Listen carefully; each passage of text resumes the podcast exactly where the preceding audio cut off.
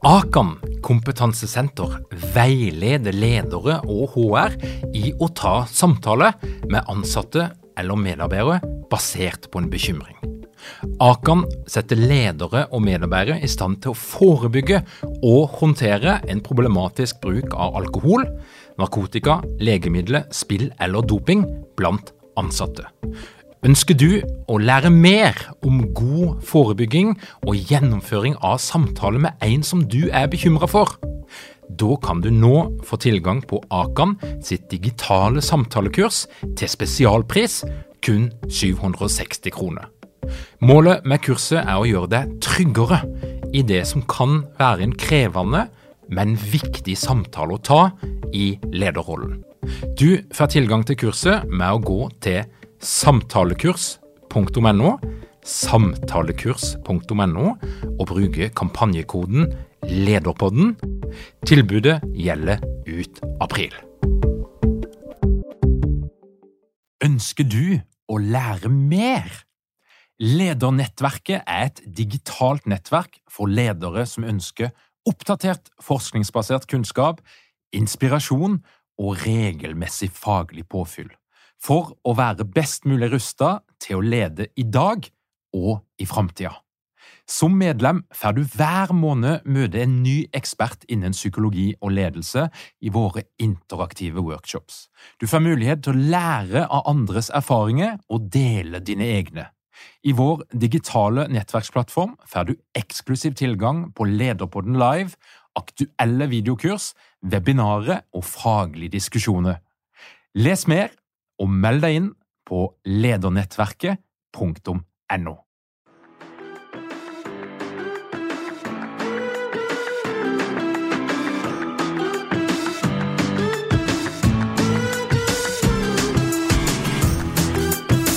Velkommen til Lederpodden. Mitt navn er Tor Åge Eikerapen. Jeg jobber som organisasjonspsykolog, og dette her er vanligvis en podkast om ledelse. Men i dag er det påskespesial, og jeg inviterte inn min gode venn, podkastkollega, psykologkollega Sondre Risholm Liverød, og vi har rett og slett bare en, en prat om ting som skjer akkurat nå i verden. Litt politikk, litt psykologi, litt forskjellig, en touch av litt ledelse. Så ikke en helt vanlig episode, men påskespesial. Jeg håper uansett at du liker det du hører. Velkommen inn i praten mellom meg og Sondre. Sondre Risholm Liverød, velkommen. Tusen takk. I dag så har jeg invitert deg inn for at vi skal liksom bare prate litt om litt forskjellige ting som, som skjer i verden og i livet, og så får vi se litt og hender det til oss. Og det første ja. vi skal snakke om, det handler om sinne. Det ja. å bli eh, skikkelig eh, forbanna. Ofte gjør du det? Ofte. Men jeg prøver å kultivere det på en så god måte som jeg kan. Men jeg syns at sinne har vært en tematikk for meg hele livet. Men det er mye drivkraft i det. da. Så det er jo en, en, mye av den en proaktiv følelse. Så den, eh, den, den gir meg mye motivasjon. Men eh, når jeg ikke klarer å tøyle den og uttrykke den på en, på en eh, tilpasset måte, så kan det være også min eh, verste fiende, på en måte. Så sinnet er en problematisk følelse. Men, men, eh, men, er du blitt eh, mer venn med følelsene, eller åssen er altså statusen? Ja, jeg er i hvert fall mye mindre sånn sint, men jeg er nok uh, veldig opptatt av å uttrykke sinne sånn underveis hele tiden på en sånn måte at det ikke vokser seg for stort. For jeg vet at hver gang jeg svelger det i meg over for lang tid, så flasker det seg opp som en slags sånn følelsesmessig forstoppelse på et eller annet tidspunkt. Og da, da kan det komme til uttrykk på en ganske uh, ufin måte. Så, men det er jo, det er jo ja, jeg begynte å liksom uttrykke det veldig sånn ja, finne kanaler for det. Men eh, det, det er eh, Jeg syns det er eh, vanskelig, og veldig mange av de menneskene jeg møter, har det motsatt av meg. da. At de, de, har ikke noe kontakt med den drivkraften i det hele tatt. For det å uttrykke sinne og selvhevdelse, det har rett og slett vært trampa ned gjennom oppveksten, så de har vel mye mer frykt og tilbaketrekning i seg. Og Det er liksom fight-flight-respons der. da, hvordan, hvordan, reagerer du på situasjoner hvor du er pressa? Legger du deg ned og sier unnskyld og blir, eller går du til motangrep? Og, eller klarer du å styre de to tingene sånn og balansere det sånn, eh, sånn fint? Så. Ja, og Det er ikke, helt, sånn, det er ikke tilfeldig valgt tema. Det, har nettopp vært en episode da, som har satt liksom sinne og aggresjon og følelser på dagsordenen. og det er jo Will Smith, som mm. da fiker til Chris Rock på Oscar-utdelinga som ble vist over store deler av verden her for ganske nylig. da. Og, Hva mm. tenker du om uh, det Will Smith gjør? Han skal beskytte kona si, han skal ta igjen for en fyr som er fornærma og grovt. Ja. Passe på familien sin. Ja, vi skal være helt ærlige, det første jeg tenkte, var den vitsen var jo veldig snill, tenkte jeg i første omgang. Så jeg, jeg syns eh, reaksjonen hans var litt sånn voldsom, da. Men, uh, for, for så, men, jeg vet ikke om jeg har hørt hele vitsen. Men for meg så var det bare sånn Hun ligner litt på G.I. Jane. Og G.I. Jane var jo ganske sexy, tenker jeg. Så, så jeg var litt usikker på hvorfor han uh, tok det så ille opp. Men det er denne hårsykdommen, så er det sikkert sårbart for, uh, for han. Så i utgangspunktet syns jeg reaksjonen var, var jo litt voldsom. Så tenkte hva er det, du var på vei opp der, hva skal han for noe da? Det var langt å gå, følte jeg. Og Derfra der han satt, så var det liksom sånn ganske Han tenkte han hadde tid til å tenke litt på den veien bort til eh, Chris Rock. Hva, hva er planen din nå? og, så det, det syns jeg var eh, Men så følte jeg akkurat nå at det, eh, han faktisk selv hadde hatt et standup-show i sine yngre dager for veldig lenge siden, hvor han hadde den samme vitsen omtrent den samme vitsen om en eller annen sånn type hårtap av, med hensyn til en eller annen sykdom. Da. Så eh, om han selv har fortrengt det, eller om han ikke husker det, om han egentlig gikk til angrep på sin egen skygge der oppe, var vel det sånn psykologisk sett jeg begynte å lure på, siden han reagerte så voldsomt. Så, men sånn, i en sånn psykodynamisk eh, forstand, som har vært tema den siste uka for meg, for det er det jeg har hatt oppe i mine ja, i jobbsammenheng og, og, tenkt på, så, så, har jeg tenkt litt sånn at det, det der å holde et sånt motsetningsforhold i eh, bevisstheten vår er vanskelig. Det å for et barn tenke at jeg, jeg både elsker og hater mamma og pappa, eh, og kanskje på samme tid, det er en komplisert affære. Du skal være veldig trygg, for du klarer å se nyansene på den måten. Så vi har en tendens til å spalte opp, eh, opp verden. Og hver gang vi tenker at jeg er dette og ikke dette, så for eksempel, jeg er aldri sint, så vil jeg på en måte skyve sinnet ut i skyggen av min egen bevissthet. Og da vil det potensielt sett bli til et symptom, da. Eller du projiserer det ut på verden, så det er verden som er sint, og så angriper du verden der ute. Så for meg så, så tenker jeg noe av det jeg syns er litt sånn provoserende sånne situasjoner som dette, er, eller det som interesserer meg, er de som blir innmari sånn moralsk indignerte over at han har fika til Chris Rock, de tenker jeg er litt aggresjonshemma selv. Så nå har de på en måte ikke kontakt med sin egen eh, aggresjon, for de, er, de ville aldri eh, vært utagerende på den måten. Og da har de på en måte ikke erkjent vesentlige side ved seg selv, som de nå har projisert ut. Og når de ser det der ute, så angriper de det tilsvarende hardt. Da. Så, så hvis du blir innmari indignert over eh, Bill Smith sin måte å håndtere denne situasjonen på, så tror jeg du må se på din egen aggresjon også. For hvis du vet at du også er tilbøyelig til å ha det i deg selv, så tror jeg du har mer kontroll. da. Du vet at det, Jeg vet at jeg kunne reagert på den måten, men jeg vet også at jeg sannsynligvis er såpass klar over at jeg ikke hadde klinka ned. For jeg tror det er når du ikke helt er i kontakt med dine aggressive sider, at du risikerer å havne i en sånn situasjon som Will Smith havna i. da. Men det er klart, det er, selv om du anerkjenner dine egne aggressive sider, så er ikke det, det er ikke greit å slå til noen. Det, det syns jeg ikke. Men, eh, men det, er, eh, ja, det er litt av et opptrinn. Men det er, noe, det, er, det er, liksom to leirer her. da. Det er jo en Adam Grant, eh, kjent organisasjonspsykolog, verdens mm. mest kjente organisasjonspsykolog. Han var tidlig ute med å fordømme dette her, og han trakk det jo inn i en litt sånn kulturell kontekst der det er ære, det er det å beskytte familien sin. altså Vi kjenner igjen dette her. Nå skal du, altså, du, du blir banka opp fordi at du er fornærma noen. Mm. Og at det er liksom noe av det samme greia da, som Will Smith um, viser her. Sånn at mm. han representerer en, en, kultur, en måte å tenke på, som rundt forbi i verden skaper mye vold. Både, både synlig vold og mer såkalt såkalte domestic violence, som, eh, som er noe, noe, annet. Han trekker liksom noen, noen, linjer da, på at denne kulturen, denne måten å tenke på, beskytte ære, beskytte familien, det er noe dritt. Eh, og Will Smith gjør seg til en slags talsperson for den måten å tenke på. Ja. At det er noe litt større. Det er ikke bare en mann som mm. i et øyeblikk mister besinnelsen. Det representerer noe mer, spesielt med måten han da forklarer det på, at han beskytter familien sin og, og eh, ja, ikke kom her og fornærm noen eh, i min slekt. Mm. Ja. Hva, hva, tenker du om det?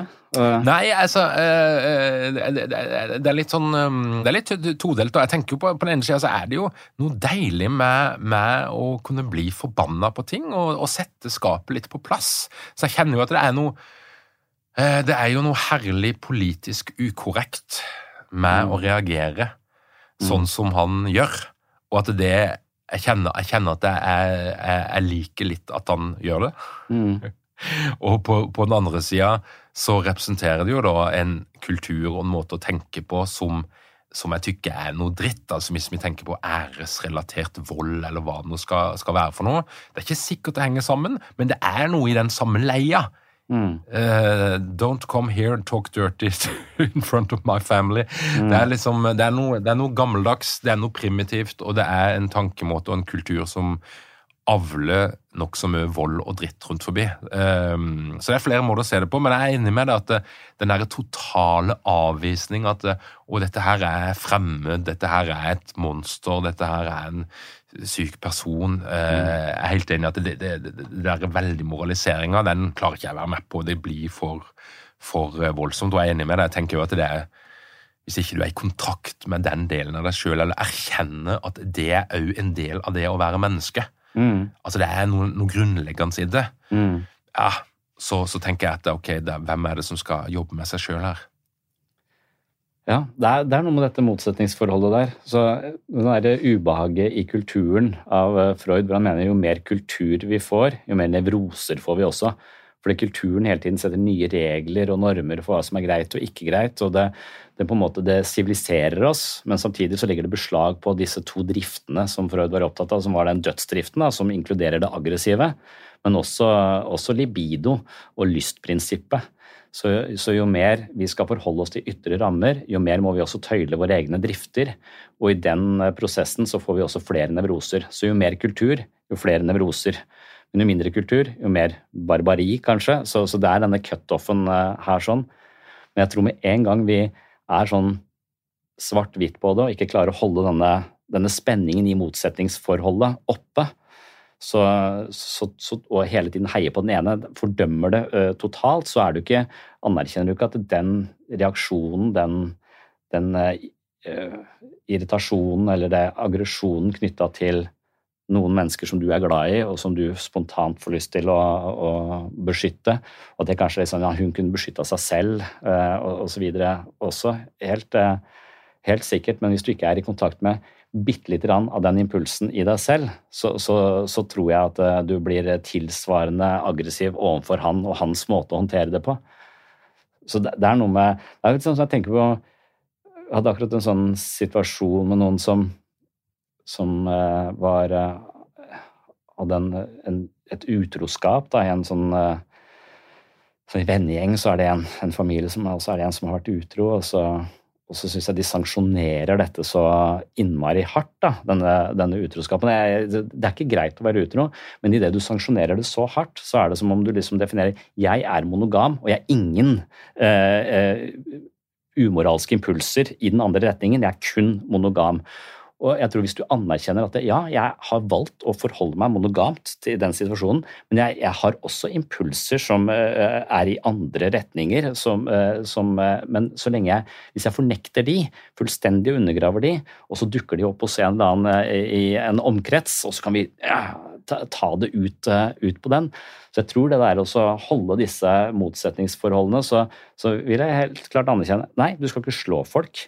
Men, eh, men, men, det er heller ikke en, en, helt fremmed impuls. Det er ikke en impuls vi eh, så, så, lenge den synes litt, så, så, vet vi at den er der. Hvis vi skal totalt bare forby den Vi skal jo forby det å slå, men hvis folk ikke kan anerkjenne at de har den i seg, så vil vi bare få mer av det. For det å trykke det ned og fordømme det, da tror jeg bare vi putter det enda mer inn i skapet, og da perverterer vi det enda mer, og så til slutt så kommer det opp som en eller annen ja, som et eller annet sånn slag da, i, uh, i, trynet på Chris Rock, som måtte ta denne støyten denne, denne gangen.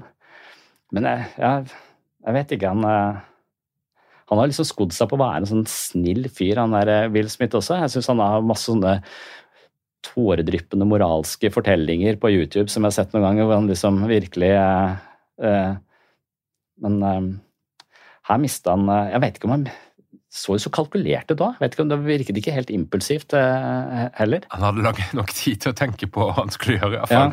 Ja. Nå fikk ikke jeg med meg det Oscarshowet, men har du sett det før når han der Ricky Garvey har det? Ja. Altså, jeg synes Det er så drøyt, det han sier til de eh, kjendisene i Hollywood. Så, så jeg tenker at ikke han blir for, forjuling, det syns jeg er eh, Det er ganske, ganske vilt. Men nå har jo barn òg, da. Altså, det aggressive med, i vennegjenger med gutter kontra vennegjenger med, med jenter eller bare det å være fotballtrener for jenter og trene på siden av guttelaget i samme alder, ekstremt mye mer lyd og knuffing og, og sånn i den i gutteavdelingen enn det er i jenteavdelingen. Og den uh, måten de også sanksjonerer ting på, er jo av og til voldelig.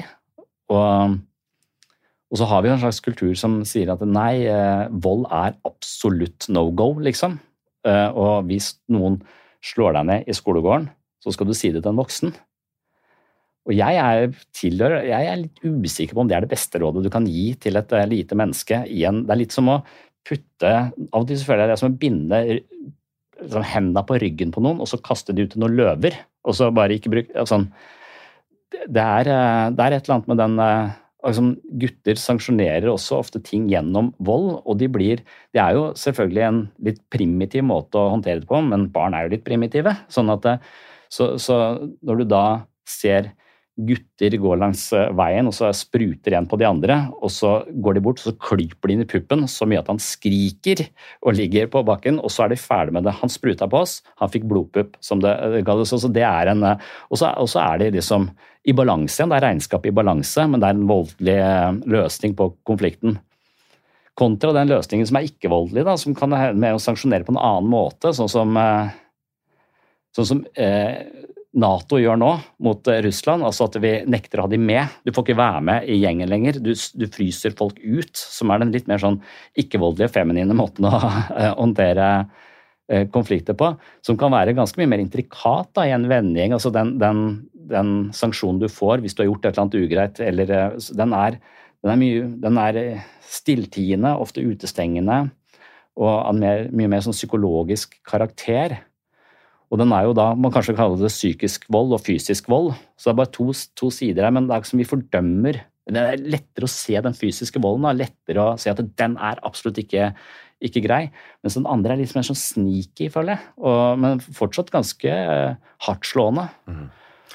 Altså de, de, filmene jeg har sett om hvordan du skal bli kvitt en mobber i skolegården eller overleve i fengsel, mm. så er det jo å slå tilbake ja. hardt. Mm. Uh, men hva som skjer etterpå, det kan jo variere litt. Grann. Ja. Men, men uh, jeg, jeg, tenker at det, du, er, det, du, er, inne på et eller annet der, og dette her er jo problematisk, for vi lever jo Dette er jo variert, og det er ikke sikkert, det er sikkert vært verre, eh, men, men vi er jo i ei tid nå der ting skal være veldig politisk korrekt, og vi er ekstremt mm. snille, og du blir veldig hardt fordømt hvis du bryter noen av de her eh, mm. moralske mm. grensene for hva som er greit og ikke. Så, så det å liksom i det hele tatt snakke åpent om dette her er jo nesten vanskelig. Ja, det er det.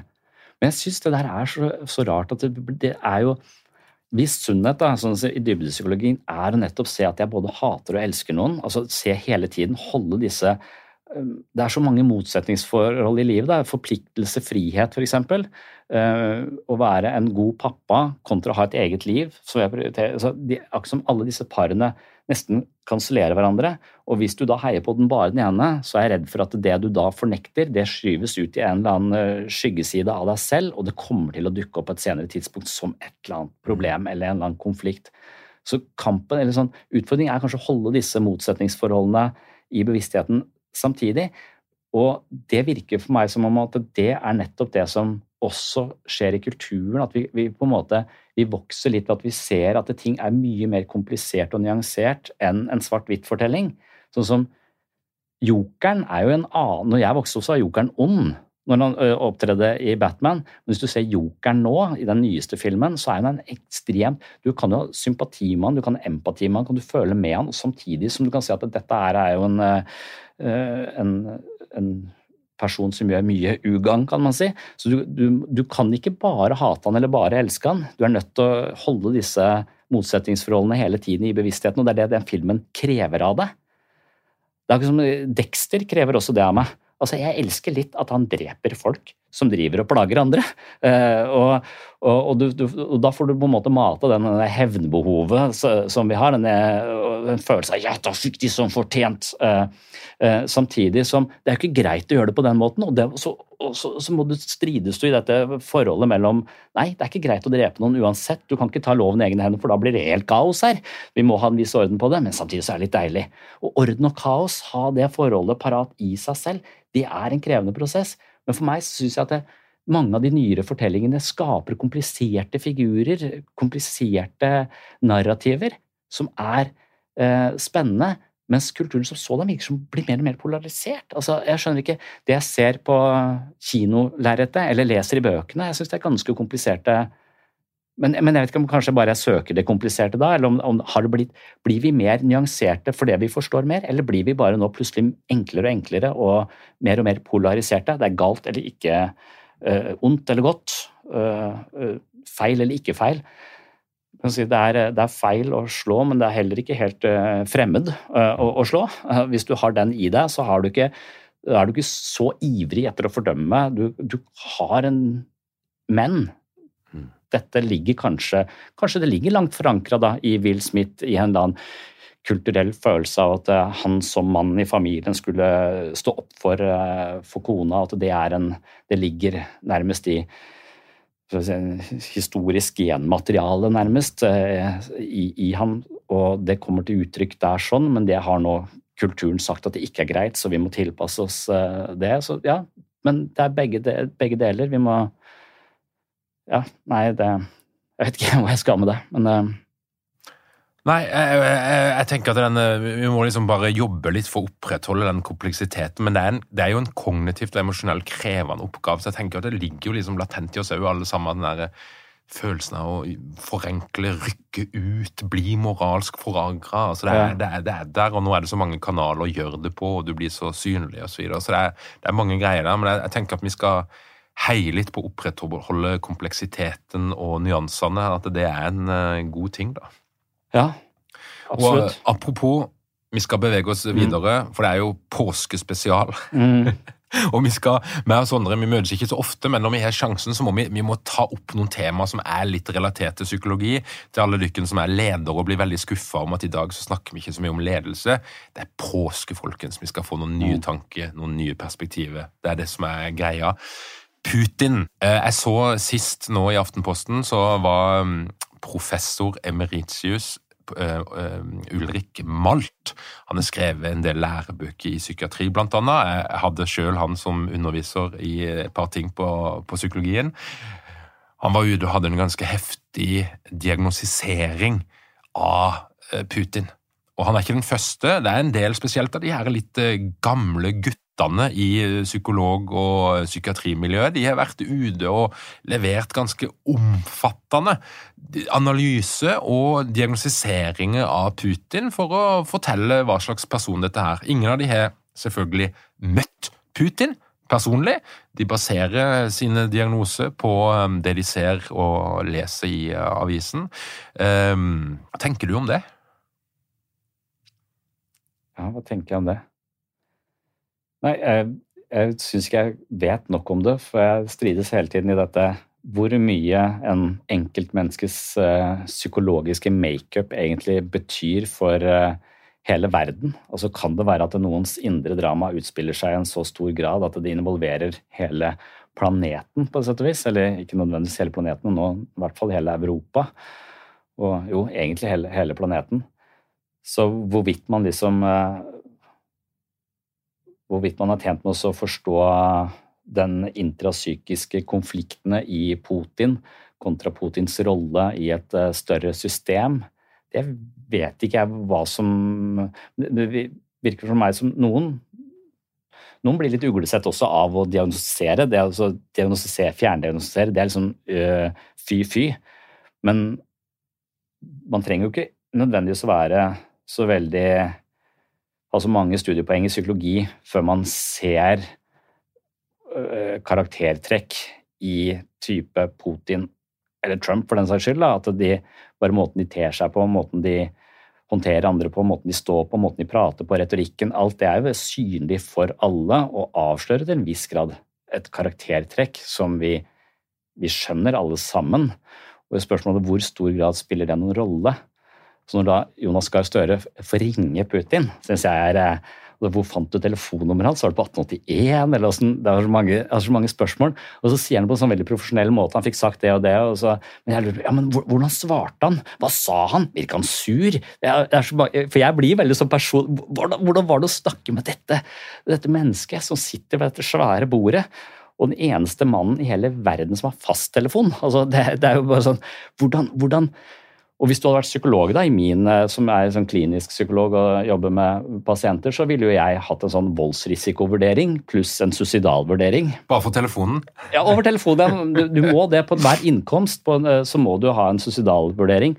Og Det vil være den første suicidalvurdering. Jeg tenker, håper han er litt suicidal, for da kan vi spole det fram til når han sitter i bunkeren der uh, og tar livet sitt. Men Nei, jeg vet ikke. Hva syns du om det? Og, nei, og nei, jeg, jeg syns i utgangspunktet at det er noe dritt med fjerndiagnostisering. Altså, det, jo, det kan jo være interessant på sett og vis, men samtidig så blir det jo sånn som, sånn som det blir um, fortolka hvis du er psykiater eller psykolog og, og, skriver en sånn type fjerndiagnose, så blir det jo tatt av noen veldig alvorlig. Så det mm. blir jo en, en, en sannhet. Og jeg tenker at det er, ja, det er jo noe informasjon du ikke sitter på da når du ikke noe mm. annen kilde enn media. Ja. Uh, så det er én ting. Rent litt sånn yrkesetiske i det å gjøre det. Ja. Der, der, er det noe litt uh, kilent. Og så er det jo noe med at uh, verden blir jo plutselig veldig enkel. Uh, så apropos sort-hvitt, nyanse, ja. kompleksitet. Mm. Med en gang du putter en diagnose på noen og gjør det til svaret for hvorfor verden blir sånn som man blir, eller en krig blir sånn som man blir, så, så, så, så tror jeg jo vi går glipp av utrolig mye informasjon. Eh, og det blir altfor enkelt.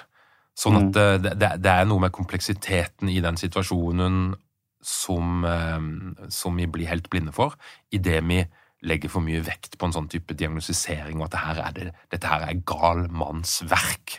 For det er det jammen ikke sikkert at det er. Nei, hva, hva, slags nyanser er det du tenker uteblir? En sånn påstand som at det, eller La oss si at det, ingenting er 100 sant eller 100 falskt, ja. men la oss si at det er det veier tungt på vektskåla i forståelsen av Putin mm. at han har et, eh, eh, et verdensbilde og et type maktbehov eh, som, som utspiller seg på den måten at de han omgir seg med, ikke tør å si han imot, f.eks. For, for det har, jo, det har, vi jo sett at han tar han Var det han utenriksministeren, eller hvem han, han tok en sånn veldig sånn Det blir kalt mobbing på arbeidsplassen. Eh, hvis eh, det er en latterliggjøring av en, eh, en, offentlig embetsmann der som, som, som, er i hans stab, nesten sagt. Og, og, det Hvis han agerer på denne måten overfor sine ansatte, så er det til slutt ingen som tør å korrigere han. Og det er jo en veldig sånn personlig, psykologisk ting.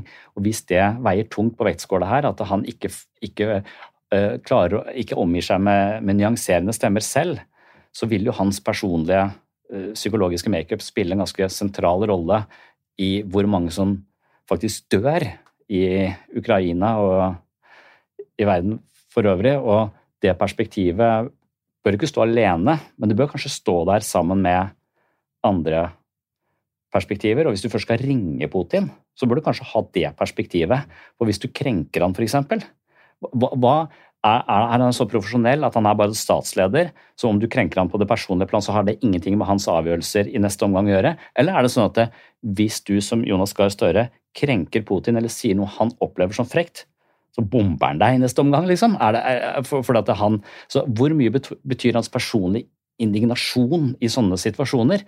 Det er jo i hvert fall eh, verdt å tenke over før du skal snakke med han personlig, eh, sånn sett. Og da, det, men så, så hvis, hvis, det er fokus i en type artikkel eller kronikk, tenker du det, det er helt Eller Nei, jeg må gjerne, gjerne, ha fokus på det. Bare tenke, Idet vi begynner å snakke om eh, mennesker og ledere som at de er steike gale, og det er jo ingen tvil om at de fins, eh, men, men da, det, da, da, blokkerer vi for en litt mer fornuftig diskusjon rundt hva er det dette her egentlig handler om. da.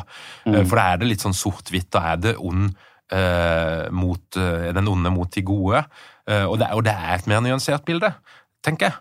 Uh, ikke til forsvar for noen som helst, men, men, det er noen nyanser her. Det er et eller annet med hvorfor føler Russland seg trua, og, og, og hvilken relasjon har eh, Ukraina hatt til nynazist uh, og nazistiske bevegelser og figurer. Er, er, det, er det, bare oppspinn, eller er det, er det, faktisk noe som stemmer der? Hvilken rolle har USA spilt? Altså, det er jo en, en kompleksitet her som, som, vi ikke skjønner. Det er noen kulturelle faktorer. Altså, hva, mm. hva, hva forventes av en leder i Russland, f.eks.? Hva er Eh, regna for å være god, fornuftig, effektiv lederatferd i Russland. Mm. Er det kanskje noe som ligner litt på Putin? Er, er det ja. noen andre kulturelle idealer for hvordan du som leder skal fremtre? Ja. Jeg tror det er Dostojevskij som skrev et eller annet om at Russland vil ikke være fri. eller et eller annet. Mm. Eh, altså Det er noen, noen, eh, en historie her knytta til at eh, demokratiet eh, og våre vestlige verdier har ikke stått så veldig sterkt der kanskje noen, noen gang. Altså Det er to veldig ulike måter å, å tenke på. Mm. Så, så, våre tanker om hva som er en god leder, det er ikke sikkert det er delt av, dette her, av, av befolkninga i dette her gigantiske landet. Nei. Nei, det kan jeg jo absolutt være enig i. Men en annen ting som jeg syns dukker opp hver gang det er eh, sånne ting, eh, og hva er, han angriper angriper det var nynazister eh, og kriminelle nynazister Nei, narkomane nynazister var det han, eh, han Bare selve narkomane nynazister er en, en merkelig uttalelse, sånn i, i, utgangspunktet. Det kan godt være at det, at det fins eh, absolutt nynazistiske bevegelser i hele Europa. Ofte når det er en type krise, så dukker jo denne disse tingene opp. Og, men eh, det der med narkomane syns jeg var litt uh, spesielt. For at det Alle mine venner som ruser seg for mye, de, de er stort sett på Nav, ikke som statsledere, liksom. Det er, eh, det er noe så, så, jeg lurer på Og en annen ting som er denne, denne Hvis du ser på denne statslederen på den måten, hvis du ser på et slags, Hvis du løfter opp da, så ser på hva er det de putter som det som ikke er bra. Det er de vestlige verdiene som for dem kanskje manifesterer en form for kaos. Eh, at det er for mye eh, det er for mye av det feminine, kanskje. Det, er ikke de konservative verdiene, det er ikke de tradisjonelle verdiene. Og det er særlig homofili er de opptatt av igjen. Så de blir opptatt av, så Freud blir plutselig relevant igjen. Det er hva andre gjør hjemme, seksuelt, som opptar også på et sånt eh, nivå at det blir Det er ofte disse at det homofile, det vestlige, det frie, eh, pride, alle de tingene der som på en måte eh, virker som dekadens da, for dem, og, og, total anarki og kaos, og det må vi slå ned på, så, så vi får rydda opp i, opp i, dette her. Og da er det litt sånn for, for meg igjen at det, da blir jeg litt sånn freudiansk og tenker ja, det er fordi du ikke kjenner dine egne homofile impulser, selvfølgelig. Sånn at det, igjen, tenke at det, istedenfor at det der, du er enten heterofil eller homofil, kanskje alle mennesker er på en skala, eh, og at alt er skala. Det er ikke godt eller ondt. Det er ikke varmt eller kaldt. Altså, Varmt eller kaldt er en varm person, er en kald person. Altså, det er, det, er, det er, på en skala. Mm. Det er ingen, Du kan ikke si om noe er kaldt. Det er alltid kaldt i forhold til noe annet på en annen del av skalaen. Så hvis du da hvis jeg tenker at jeg er 80 eh, heterofil, og da har valgt å leve heterofilt, og har noen plutselig noen på en eh, søndag en eh, homofil impuls på et eller annet nivå, så, så sted, hvis jeg da tenker nei, jeg er jo heterofil jeg kan, og tåler ikke den impulsen, så må jeg fortrenge den impulsen og eventuelt projisere den ut. Og bli veldig opptatt av at folk ikke må være sånn som jeg ikke tåler med meg selv. Så man kan jo tenke at det er en slags homofob psykologi som ligger eh, over de konservative eh, verdiene, som også manifesterer seg her, og potensielt sett hans egne eh, undertrykte homofile impulser, som nå har blitt en svær krig. men det, er, det er drøy. Men, men men det er, så, det er, så, mange sånne tematikker som kommer opp som, som Freud ville sagt det her er mangel på holding the tension of the opposites. Du tåler ikke du, du må re, Noen må være sånn og ikke sånn.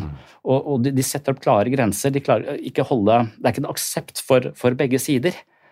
Og da tror jeg vi, og hver gang de sier at nei, det skal være sånn og ikke sånn, så har du potensial for krig da.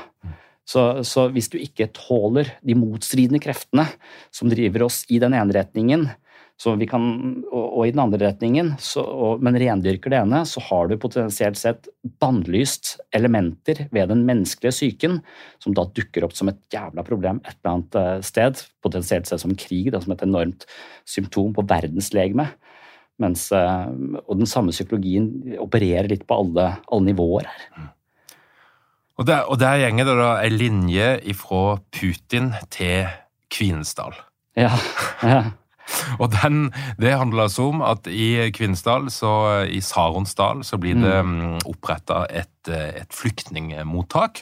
Og de fleste flyktningene som da kommer fra Ukraina til Norge, de er kvinner eh, og barn. Mm.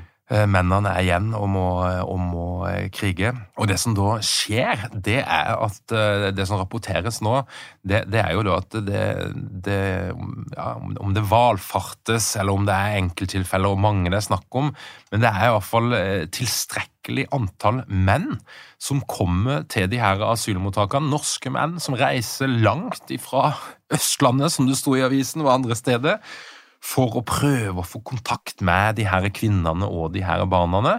Eh, hensikten er litt sånn uklar, men det blir rapportert om innpåslitne menn.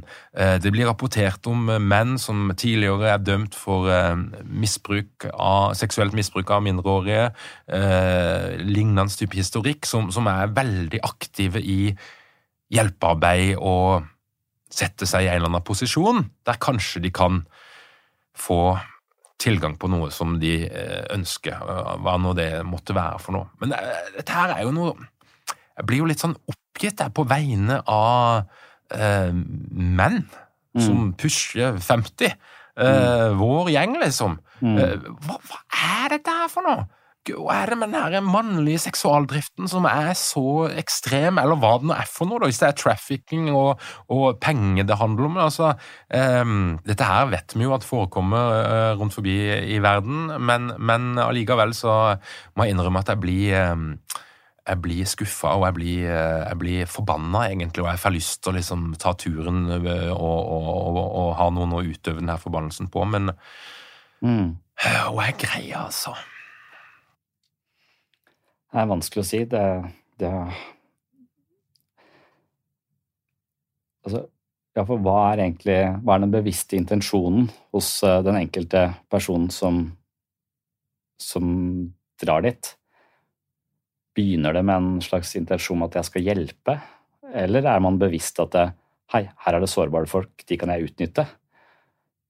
Den mentaliteten, den hører jo til i det dyssosiale spekteret hvor, eh, hvor det finnes eh, kanskje en slags prosentdel av jordas befolkning som mangler eh, en slags omtanke og omsorg for andre enn seg selv, men som ofte også er iscenesatt av at de selv aldri har fått det, og aldri lært det, sånn at det går en slags sosialarv også, så det, de bare gjentar et slags mønster. For Da ser man jo litt på dette, disse menneskene som er i en sårbar situasjon, som noe som en slags ting de kan utnytte uten å tenke på at dette er et, et annet menneske med sine Eller om du kommer dit og tenker at du har noe å tilby, at du, du kan eh, hjelpe, hjelpe de, og ut ifra det føler at du står litt over de potensielt sett, og så plutselig får noen ideer om at du er berettiget noe, noe på grunn av din hjelpsomhet. Så det er en form for uh, psykologi som er sånn fremmed for meg, som jeg ikke egentlig har gått så Som jeg, ikke, som jeg for det første aldri jobber med. Uh, jeg jobber ofte med de som har vært utsatt for disse sånn, mennesker som har utnytta de eller uh, forgrepet seg på de på en eller annen måte. Så jeg har ikke sånn veldig det er litt sånn blindfelt for meg også. Jeg vet ikke helt eh, hva, det, hva det dreier seg om. Eller eh, det, det er sikkert forskjellig fra person til person også. Har dere mange ledere uten trening eller utdannelse innen ledelse? Mangler dere en felles kultur og praksis for ledelse? Ønsker dere å være bedre rusta for fremtidig vekst og endring? Da kan et internt lederutviklingsprogram være en god investering. I Execu er vi eksperter på å designe og gjennomføre bedriftsinterne lederutviklingsprogram. Hvis du ønsker å lære mer om hvordan vi kan hjelpe dykken til å få enda bedre ledere, ta og klikk deg inn på execu.no.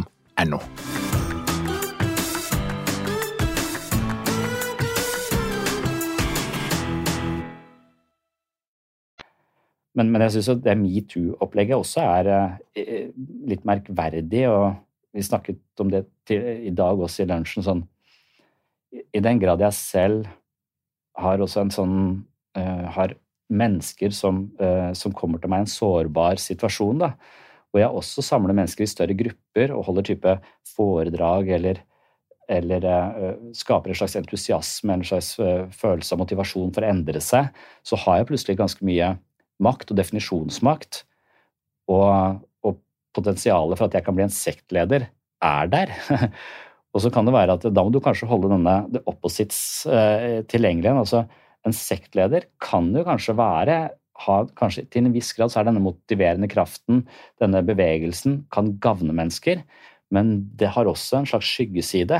Det er også noe som hvis jeg plutselig begynner å utnytte eller nære på dette, at egoet mitt trenger denne, denne, greia her, og at jeg føler at jeg gir så mye at jeg plutselig er berettiget en hel haug med andre type ting. Så for, for, meg så virker det som at når du får mye makt, eh, så eh, er det som om du blir litt sånn hjernevaska til å tro at du har krav på noe du egentlig Altså, du, du, du mister litt gangsyn.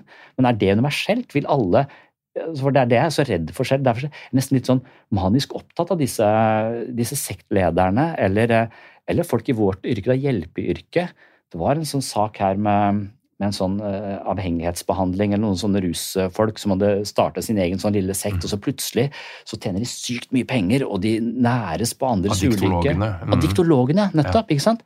Så, og, så, og da tenker jeg hele tiden For å ikke havne i den fella selv, så må du rett og slett bare undersøke den tilbøyeligheten hos deg selv, og anerkjent at den tilbøyeligheten er kanskje der. Kanskje jeg kan bli en, eh, en eh, metoo-fyr. og hvis jeg ikke anerkjenner det, sånn er ikke jeg, sånn er alle andre. Så jeg tenker jeg må leite der sånn også, for å nettopp ha disse tingene synlige, sånn at jeg kan orientere etter det, så jeg nettopp ikke havner der.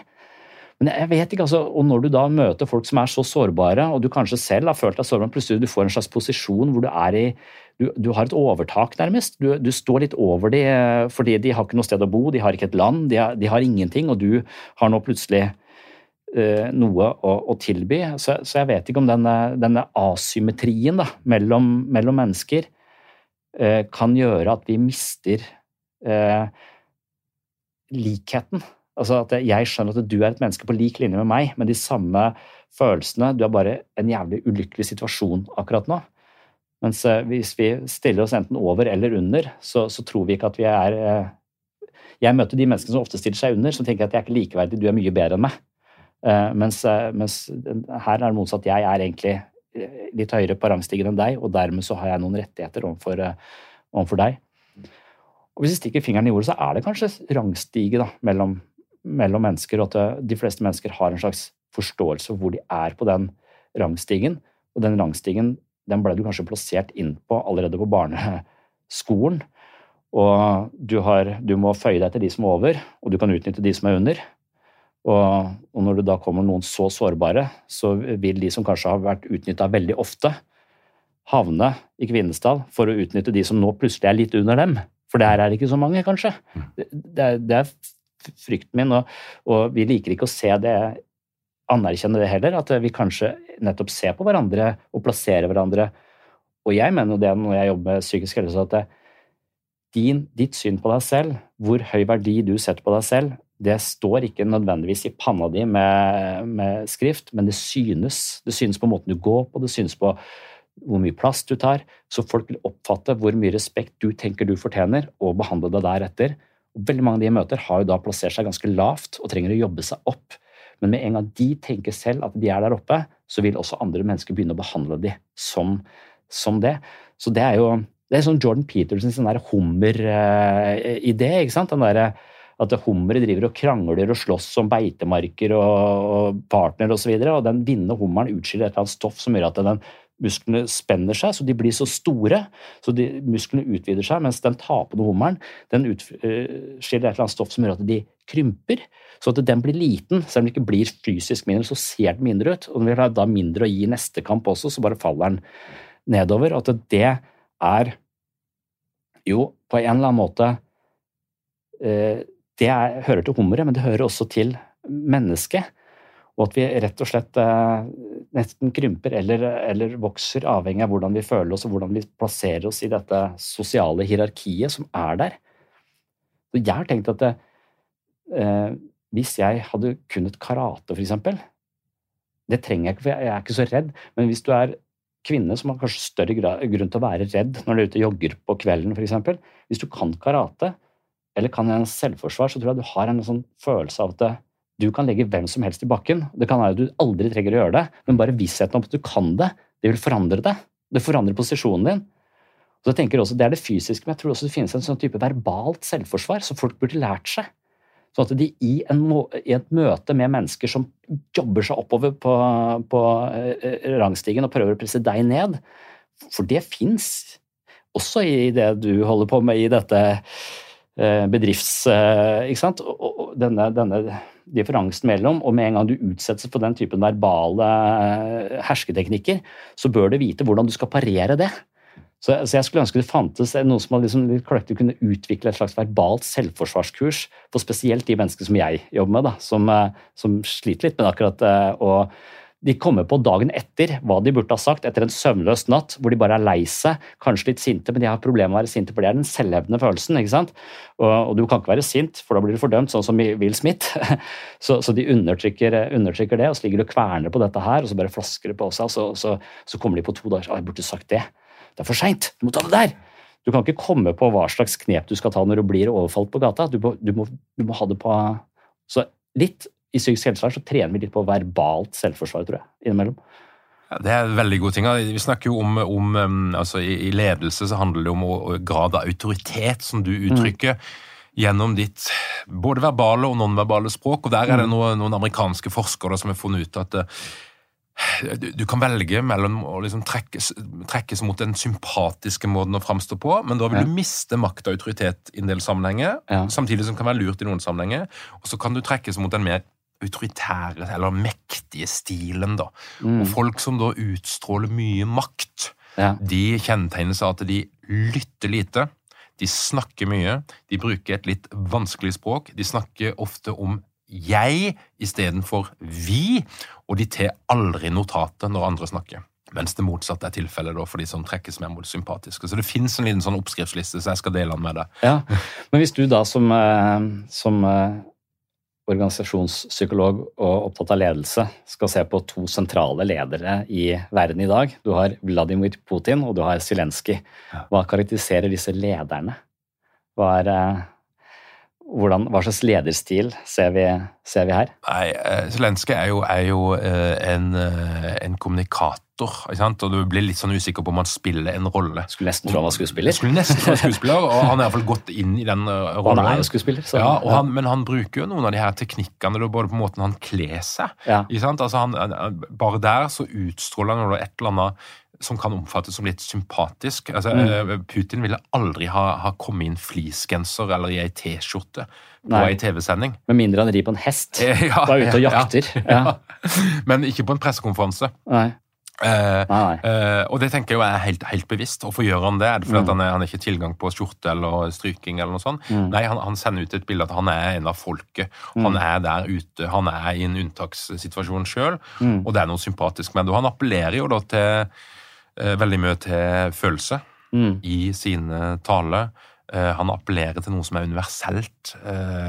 Så, så han er jo da som leder en fremragende kommunikator, og som òg er opptatt av egentlig å spille ned sin autoritet. Er mm. min opplevelse. Ja. Mens Putin gjør det motsatte. Han sitter da med sitt lange bord. Mm. Uh, han, er, han, er, stivt kledd, uh, og han har en, en, språk og en måte å snakke på som, som er ganske formelt. Uh, og litt pompøst. og litt nedlatende. Og veldig, veldig nedlatende. Så han har jo helt, helt åpenbart en, en, særdeles autoritær lederstil. Ja. Og det er Vil du si at det er en lederstil som man kanskje kunne ha vokst litt ut av i vår tid. At, det, at hvis vi ser at det, hvis det finnes en form for positiv utvikling i verden, det kan også gå negativt, men at, det, at, at et, et, demokratisk valgt styre hvor eh, vi er litt like for loven, vi ikke har lov til å ha pendlerbolig eller jukse oss til en pendlerbolig, f.eks., for, vi er like som alle andre, at, det, at den, den likheten, denne, denne avst, ikke, ikke, så stor avstand i, i, i stilling og makt. Mm. At det er en bedre måte å organisere eh, verden på enn eh, den Putin holder på med, hvor han setter seg veldig langt over og mener Hans filosofi er vel at de som er størst, de har mest rett. Ja. Og, det, og, det, er jo litt fra skolegården eh, Det er jo en skolegårdfilosofi. Den som er, eh, I hvert fall når du er gutt, så er det den som er størst og sterkest. Det er den som kan komme lengst, som ja. regel. Altså, du, kan, du, kan, du, kan, kjempe deg uh, opp der, så, men så vokser vi på en måte litt ut av det. da. Ja, vi gjør jo det, men, men, samtidig, så hvis vi ser litt stort på det, så er det jo sånn at store deler av verdens befolkning de lever i land med mm. den type ledere. Hvis ja. du ser på Ungarn akkurat nå, hvis du ser på Polen, eh, mm. hvis du ser på Tyrkia, ja, så er det faktisk ledere som har ja. ganske mange like trekk, mm. eh, og der det går i den retninga. Kina eh, USA har nettopp hatt det. ikke sant? Så, sånn at eh, vi kan godt like vår myke, vestlige, lytt lyttende, demokratiske lederstil, men eh, samtidig erkjenner du at det er ikke representativt for åssen eh, folk flest Eh, nå, nå, er det så veldig god stemning synes jeg, blant alle disse landene som ikke er Russland. Så nå syns vi Boris Johnson er en kjernekar, og Erdogan og Det er liksom ikke måte på hvem vi menger oss med akkurat nå. Felles så, fiende er ja, veldig bra. Ja, så, og da blir de plutselig så Ja, men så men, likevel så syns jeg det Du kan godt si at det er sånn det er, men uh, Robert Sopolsky har denne uh, studien Han er sånn, litt sånn ultrapositivist, er han ikke det? En psykolog, psykiater, jeg husker ikke. Men han, han, har, den, han har, studert disse bavianene uh, som bor bak denne restauranten. Jeg vet ikke om vi snakket om det tidligere, men men uh, altså han har over mange mange, mange år,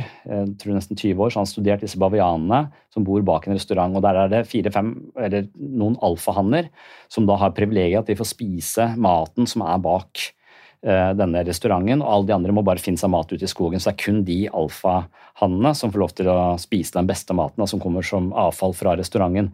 Og så er det på et eller annet tidspunkt at de kaster ut noe giftig mat, er det noe sånn forderva mat som gjør at disse alfaene dør ut fordi de blir forgifta. Og da har du plutselig en flokk uten alfahanner. Det de er opptatt av, er stresshormonet, er kortisol. De måler kortisol på hvor godt gruppa har det. Og når alfaene dør ut, så, så, så senkes dette kortisolnivået dramatisk. og Stresshormonet går ned.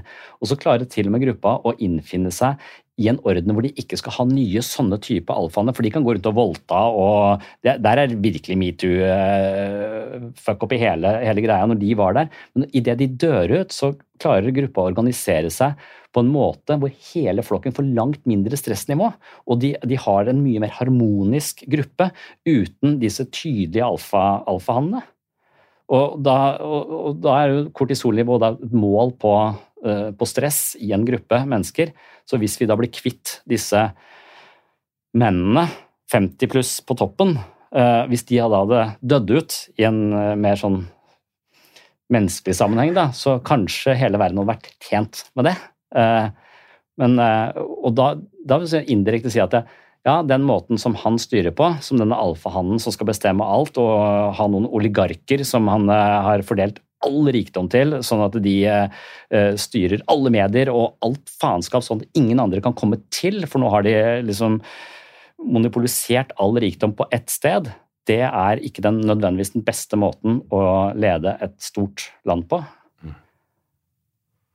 Eller er det det, nei, nei, det, er, jo, det er vanskelig å argumentere eller? Altså, jeg, altså, jeg er jo selvfølgelig jeg er jo grunnleggende eh, enig, ja. og så tenker jeg bare at det er det er noe sterkere greier her. Det er noe kultur og det er noe historie ja. og noe sånt som er ganske annerledes enn det vi lever i sjøl. Mm. Som, som, er en dimensjon som eh, som kanskje gjør at en, eh, en hadde nok oppfostra en ny Putin eh, i løpet av ganske kort tid.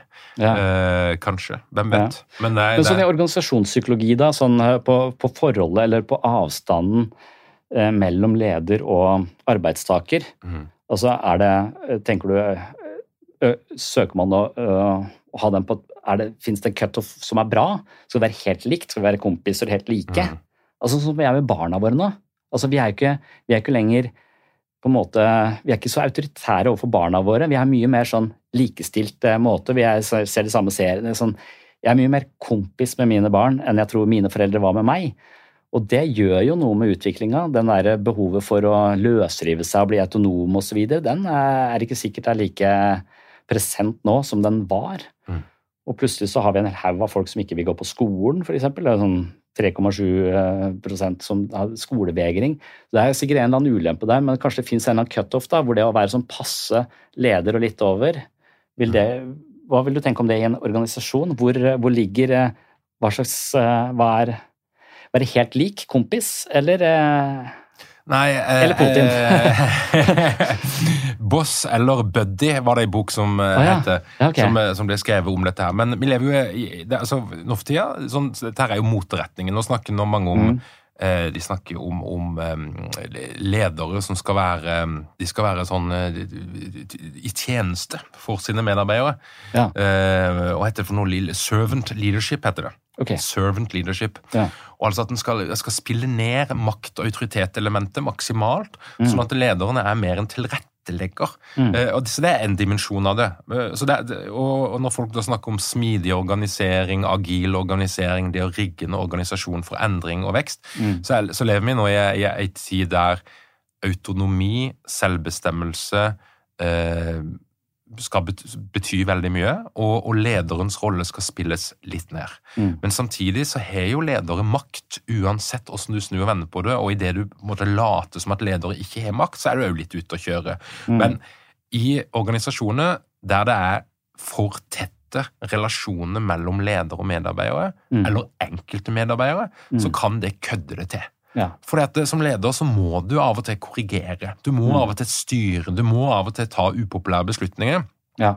Og hvis det er noen uh, type organisasjoner der det uh, lettere blir litt rot, så mm. er det jo i familiebedrifter mm. og i bedrifter som ligner på familiebedrifter, der det er utrolig mye nære vennskap, slektskap, små mm. lokalmiljø, og der hvis jeg eh, forteller deg én ting som leder den ene dagen, og så skal jeg være sammen med deg i familieselskap neste dag, mm. så takler jeg ikke det. For det er, det er, for stor risiko. Jeg ønsker ikke å kødde til det sosiale forholdet vårt. Ja. Og det hemmer meg derfor i å gjøre det jeg egentlig burde gjøre som leder. Mm. Så hvis du er en udugelig ansatt, så tør jeg aldri fortelle det til deg. For at du er jo gift med en eller annen familiemedlem, og, og det får noen sosiale konsekvenser. da. Mm. Så jeg vil jo si det at det er for nære sosiale relasjoner mm kan gjøre det litt vanskelig å lede. Ja. For, for selv da, som da er ansatt og har en leder, så er jo ikke en sånn person som prøver å bryte ned avstanden, ikke sant? så at vi skal være eh, så like som mulig. Samtidig som det slår tilbake når det gjelder det å ta ansvar. For hvis, leder, hvis det er et for, forskjell her, så vil den tydelige lederen også ta ansvaret, så jeg slipper litt for det ansvaret. For det er litt det som ligger i Så når det kommer til vanskelige skiller, så vil jeg helst at det, ja, det kan ikke jeg avgjøre, det må jo lederen uh, avgjøre. Så, så, så, orker jeg ikke å, å, bære den vanskelige avgjørelsen. Og da vil jeg at den personen skal være høyere opp enn uh, en meg. Så, så, jeg vil jo på en måte at de skal være helt like, men på en annen side så vil jeg jo også komme til et eller annet tidspunkt hvor hvor jeg ikke ønsker For det, det, blir for, det må lederen avgjøre. Nei, nå er jo du satt deg selv i den samme posisjonen. Så, nå, så, så, det er vel noe ja, at det er både Men finne en passe cutoff der, da. Men uh, vi kan kanskje være enige om at uh, forholdet mellom Putin og resten av befolkningen i Russland den er litt for lang. eller litt for, Bord er litt for langt, da. Han kunne hatt med fordel hatt et kortere bord. Altså, er det bare hersketeknikk, eller er det noe sånn uh, helseangst også? Uh, ja, det, det, det, er vi inne i spekulasjonene igjen, ja. men, eh, men, det sender iallfall et, et eller annet signal om distanse. Ja. Og har han ropert, da? ja. Eller, for det går ikke an å kommunisere Det er så langt. Det, nei, det. Um, du, Sondre, siste punktet. Peder Kjøs. Ja. Uh, han hadde en TV-serie som heter meg mot meg. Mm. Stemmer ikke det? Det er noen år siden nå. Så er det altså noen som har forska på åssen gikk det med de deltakerne. Og dette her var altså eh, Norges første eh, reality gruppeterapi. Han er jo da inne i ditt felt, eh, rett og slett. Mm. Og det var en gjeng på jeg tror det var 14 relativt unge mennesker som meldte seg frivillig til å delta på dette her programmet. Mm. Det viser seg i etterkant at Peder Kjøs var den eneste psykologen som var involvert i det, men det var et produksjonsteam, og det er et selskap som heter Anti, som driver med branding og den slags. TV, NRK, selvfølgelig. Ehm, det som kom fram i denne forskninga, det var jo at enkelte av deltakerne opplevde at de hadde fått det vanskeligere i etterkant.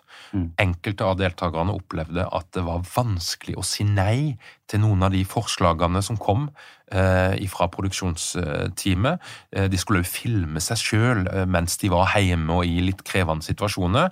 Eh, og de opplevde at de ble utsatt for et press for å få fram ting som ville funke bra på TV, men som de kanskje ikke var helt komfortable med. Ehm, og så eh, svarer Peder Kjøs på denne kritikken, og det som blir repetert en del ganger, det er jo at eh, dette her er voksne mennesker. De visste hva de sa ja til. Eh, og det som er litt av kritikken her, det er jo at de, de opplevde at den TV-eksponeringa hadde de egentlig ikke helt skjønt konsekvensen av altså det å eksponere seg i en sårbar situasjon. Så har Peter Kjøs nyansert svaret sitt litt etterpå, tatt litt selvkritikk på at han kanskje var litt um, alene som, som uh, faglig person der, uh, og at han egentlig kanskje var både terapeut, men på sett og vis òg en programleder. Han er ikke helt sikker på det, men, men uh, i det store og hele mener at dette ble løst på en god måte. De som meldte seg på, er voksne, de må sjøl ta ansvar litt mellom linjene. Mm. Tenker du om dette her? Hadde du, hadde du gjort det? Hadde du mm, tatt med deg en av dine grupper og inn i et TV-studio? Jeg tror det er nesten sånn um, regnskap mellom fordeler og ulemper, kanskje, på det der.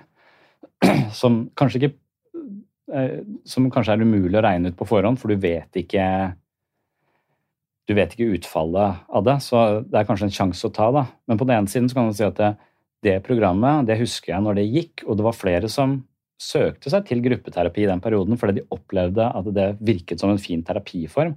Så det hadde en slags folkeopplysende kraft. Det satte fokus på en del ting. Så det kan jo være at han i et samfunnsperspektiv har fostret en eller annen form for helse eller en eller annen innsikt hvor folk kjenner seg ja, sånn er jeg det også, jeg er ikke om dette, dette er et fellesmenneskelig problem, og de løste det sånn, og jeg kan også finne min løsning. Så det kan være at han på en eller annen måte har hatt en uh, effekt. Uh, Sånn, eh, så, så det, det, vet man ikke. Det går jo ikke på en måte an å sette noe Nei, og det, og det er jo hans sitt argument at dette her ja. er folkeopplysning, det er å bryte tabu, det er å, mm. bidra til åpenhet. Ja. Eh, og det er en gevinst, da. Ja. Så husker ikke jeg så Jeg husker så lite på det, men jeg husker ikke hvordan de kom ut. Men jeg tenker det moralske dilemmaet er langt høyere, i hvert fall i Paradise Hotel. Hvordan de i det hele tatt har lov til å utsette ungdommer for den typen selveksponering før du har prefrontal cortex ferdig utvikla til å ta spesielt eh, smarte avgjørelser, og kanskje til og med fanget av en sånn kultur hvor det å bli sett og hørt, uansett hvordan det er, gir en eller annen eh, sosial poengsum som du Hvor du på, egentlig kanskje går eh, konkurs på en eller annen måte i andres øyne uten at du helt er klar over det. Så, så det er jo Men, men så spørsmålet er hvordan Ja. Nei, jeg har, jeg har, ikke satt meg sånn veldig inn i, inn i saken, men uh, jeg har hørt at uh, Peder Kjøs blir litt sånn kritisert fordi han uh, litt sånn i utgangspunktet blankt avviste kritikken. Men det er helt klart et, et, poeng da, når du er i en sånn sårbar situasjon. Så jeg vet ikke noe om seleksjonsprosessen og hvordan han valgte ut disse menneskene. og om han burde i hvert fall ha valgt ut mennesker som har en viss grad av egostyrke, sånn at de, de kunne uh, bære det. For det vil jo også være avgjørende i hvilken grad er du Forstår du uh, dette konseptet, og forstår du hva du er, uh, er med på? Og det, det er jo vanskelig å, vanskelig å si. Hva, hva syns du? Nei, det er, det, er, det er, en interessant greie. Der. Og Peder Peter Kjøs han, han, ligger jo laglig til for hogg. altså Vi er jo medlem mm. av en sånn psykologgruppe på Facebook, og hvis det er noe psykologer elsker, mm. så er det å slå hardt ned på andre psykologer som uh, markerer seg litt for mye i media, eller til en eller annen litt uvant posisjon. da. Ja, og Der har alle de psykologene skyggearbeid å gjøre. De har uh, undertrykt sine behov for eksponering og være gode og bli sett, for det er egoistisk. eller så når noen da gjør det, så, så skyter de. Ja. Og, så er, er det jo, så er det jo, Du har et poeng selvfølgelig at, at per definisjon, når du er sårbar altså du, Hvis du har det kjipt, da, mm. hvis du er deprimert, hvis du har problemer knytta til angst, eller hva det måtte være for noe, så er det klart at du, du, du er sårbar. Du gjør andre valg enn det mm. du ellers ville gjort. Du er lettere å påvirke, spesielt hvis det, det lurer en eller annen slags lovnad om at du kan få det bedre hvis du mm. gjør sånn og sånn. Og så ligger det jo ganske mye makt i uh, både at det er en TV-greie, det er en psykolog som er mm. blitt kjendis etter hvert. Uh, så den her um, asymmetrien i makt ja. er jo ganske voldsom.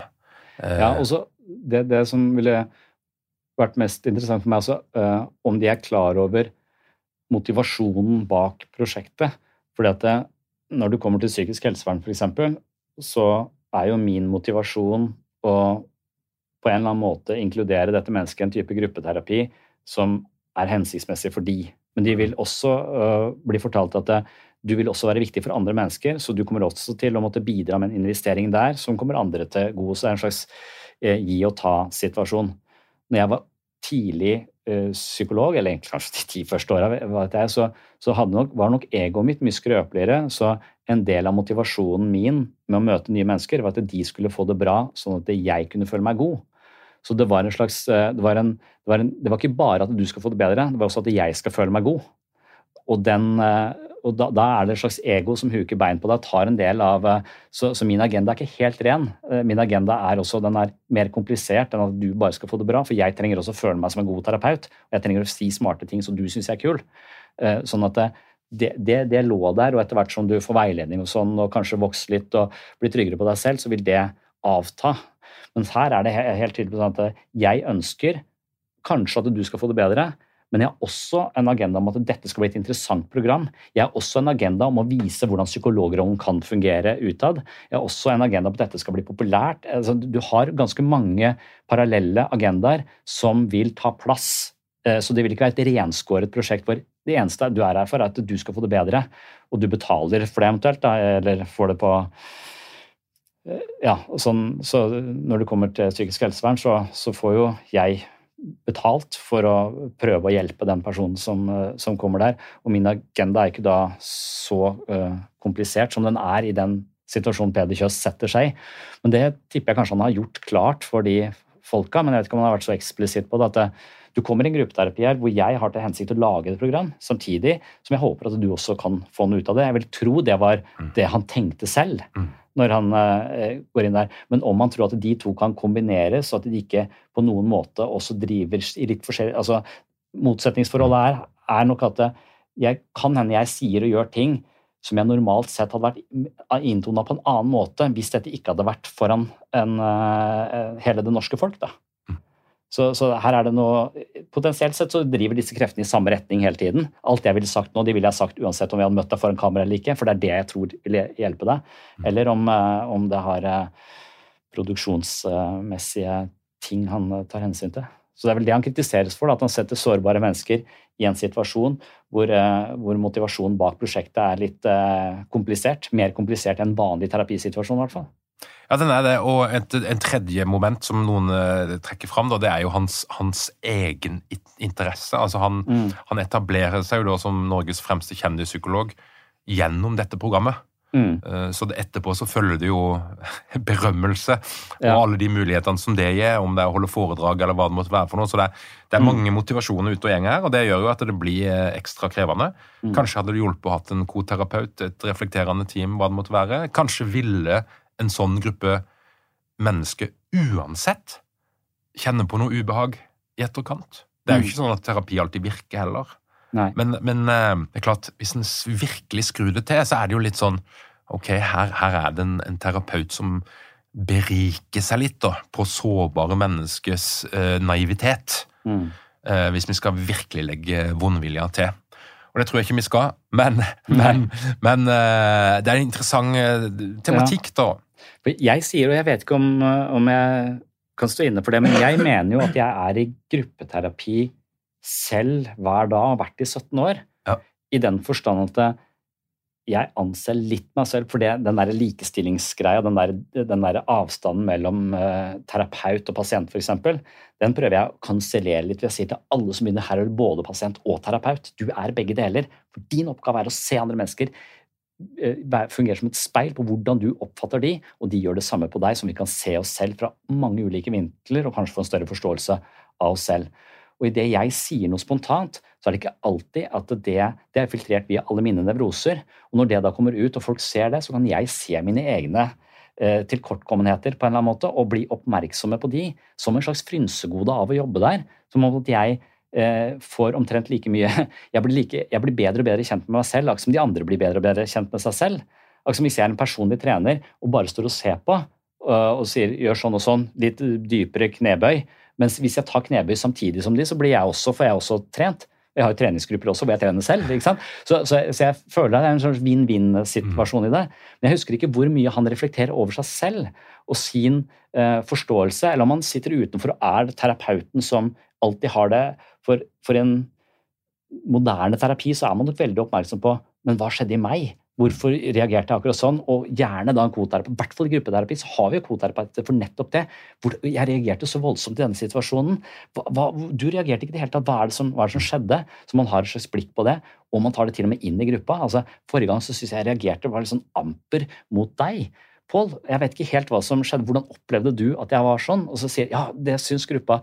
Så, så, men jeg husker ikke om han hadde den, det, det blikket på seg selv også, eller om han hadde bare blikket på den på den enkelte. Litt, eh, litt Han hadde det til dels, så vidt jeg husker, men, men kanskje litt mindre, og betydelig mindre enn hvis han hadde. For jeg husker du har jo snakka om at i gruppeterapi så, så er det ikke alltid to.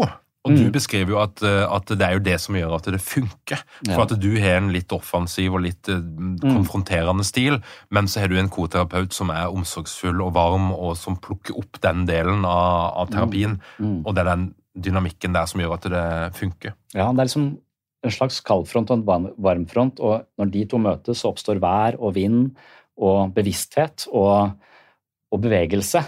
Så, så det betyr ikke at jeg alltid er kald, men, men at vi hele tiden beveger oss i dette spenningsfeltet som alle i den gruppa også beveger seg, seg i. Så istedenfor å si at det, ja, den konfronterende måten er den riktige måten å være på, eller den emosjonelle og bekreftende måten er riktig å være på, så anerkjenner vi at disse to kreftene ofte vil si det motsatte i ulike situasjoner. og De tilsynelatende jobber imot hverandre, men det er nettopp de to kreftene som skaper bevissthet og psykologi og dynamikk og liv. Så det, det må være til, til stede. Men det vet jeg ikke om det, Jeg husker ikke godt nok med den serien, men det hadde jo vært et Kanskje han hadde fått det litt Hvis han hadde hatt en koterapeut, så hadde han jo hatt, kanskje hatt en, en, slags arena hvor de reflekterte over. Men han, han, han reflekterer jo en del over uh, den enkelte og hvordan han oppfatter de. Og jeg har alltid oppfatta han som en ganske empatisk person, altså. Og det syns jeg i det programmet også. Altså, det jeg husker jeg, jeg sa, at faen, jeg skal bli litt mer sånn som han. Mm. Så som, som, terapeut så var jeg litt imponert over hans empatiske tilstedeværelse. Mm. Det er liksom, for, for, jeg tenker på meg selv at jeg alltid, det er alltid, siden jeg har, jeg har en varm empatisk koterapeut, og jeg har blitt mer og mer av det, for jeg har prøvd å adoptere de egenskapene. Men det var når jeg så Peder Kjøs i sin rolle der, og jeg tenkte å helvete, der har jeg noe å hente. Så, så, for meg så ga det også en slags motivasjon til å faktisk bli litt mer som Peder Kjøs da, i den, uh, i den settingen. Jeg håper du hører dette her, Peder. Bare sånn at du får et uh, veldig godt klapp på skuldra. Ja. Så, men det er hele tiden et, et spørsmål om, om, etikk og moral da, i å eksponere folk. Det kommer vel litt an på hva du og sånn, hva du tenker om menneskets ansvar for seg selv i ulike situasjoner. Og i psykisk helse så er man kanskje mer sårbar, i hvert fall, enn andre ganger. Og det er man i hvert fall på et uh, asylmottak i Kvinesdal. Så hvis du skal dit, så burde du i hvert fall tenke over hensikten din og hvor mye du Hva slags investering du har i det prosjektet.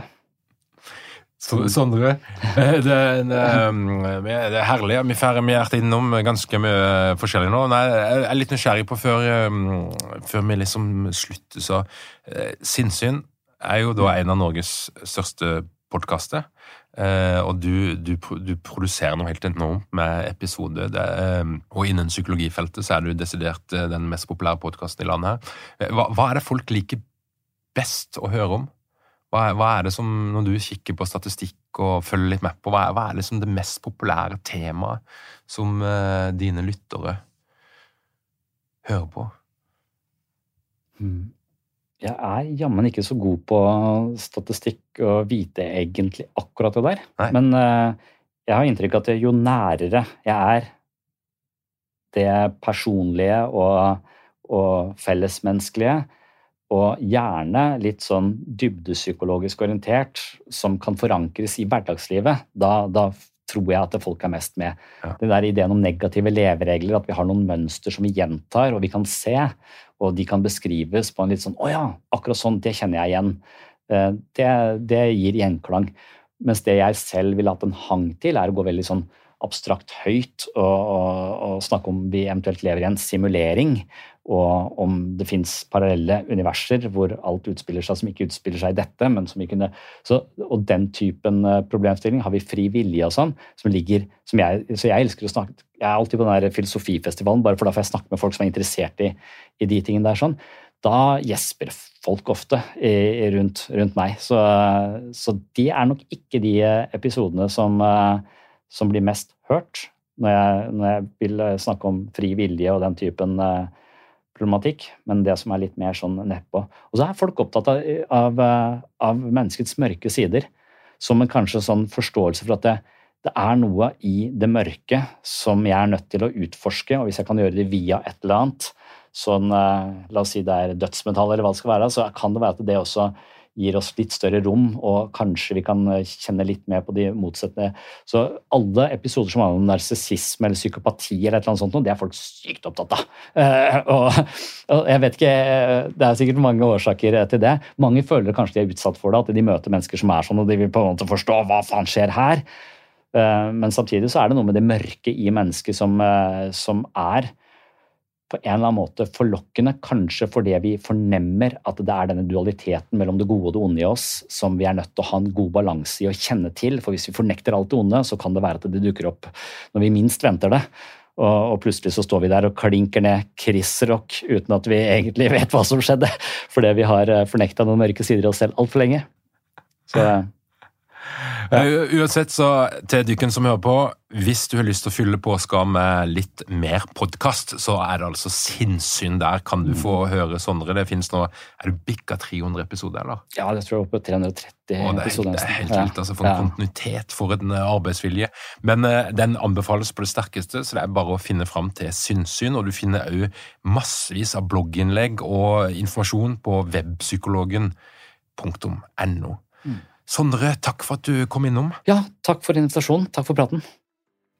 Til deg som hører på, hvis du er nysgjerrig på alt som skjer i vårt lederunivers, så er det bare å komme deg inn på lederpodden.no hvis du har lyst til å lære enda mer, så kan du bli med i vår klubb.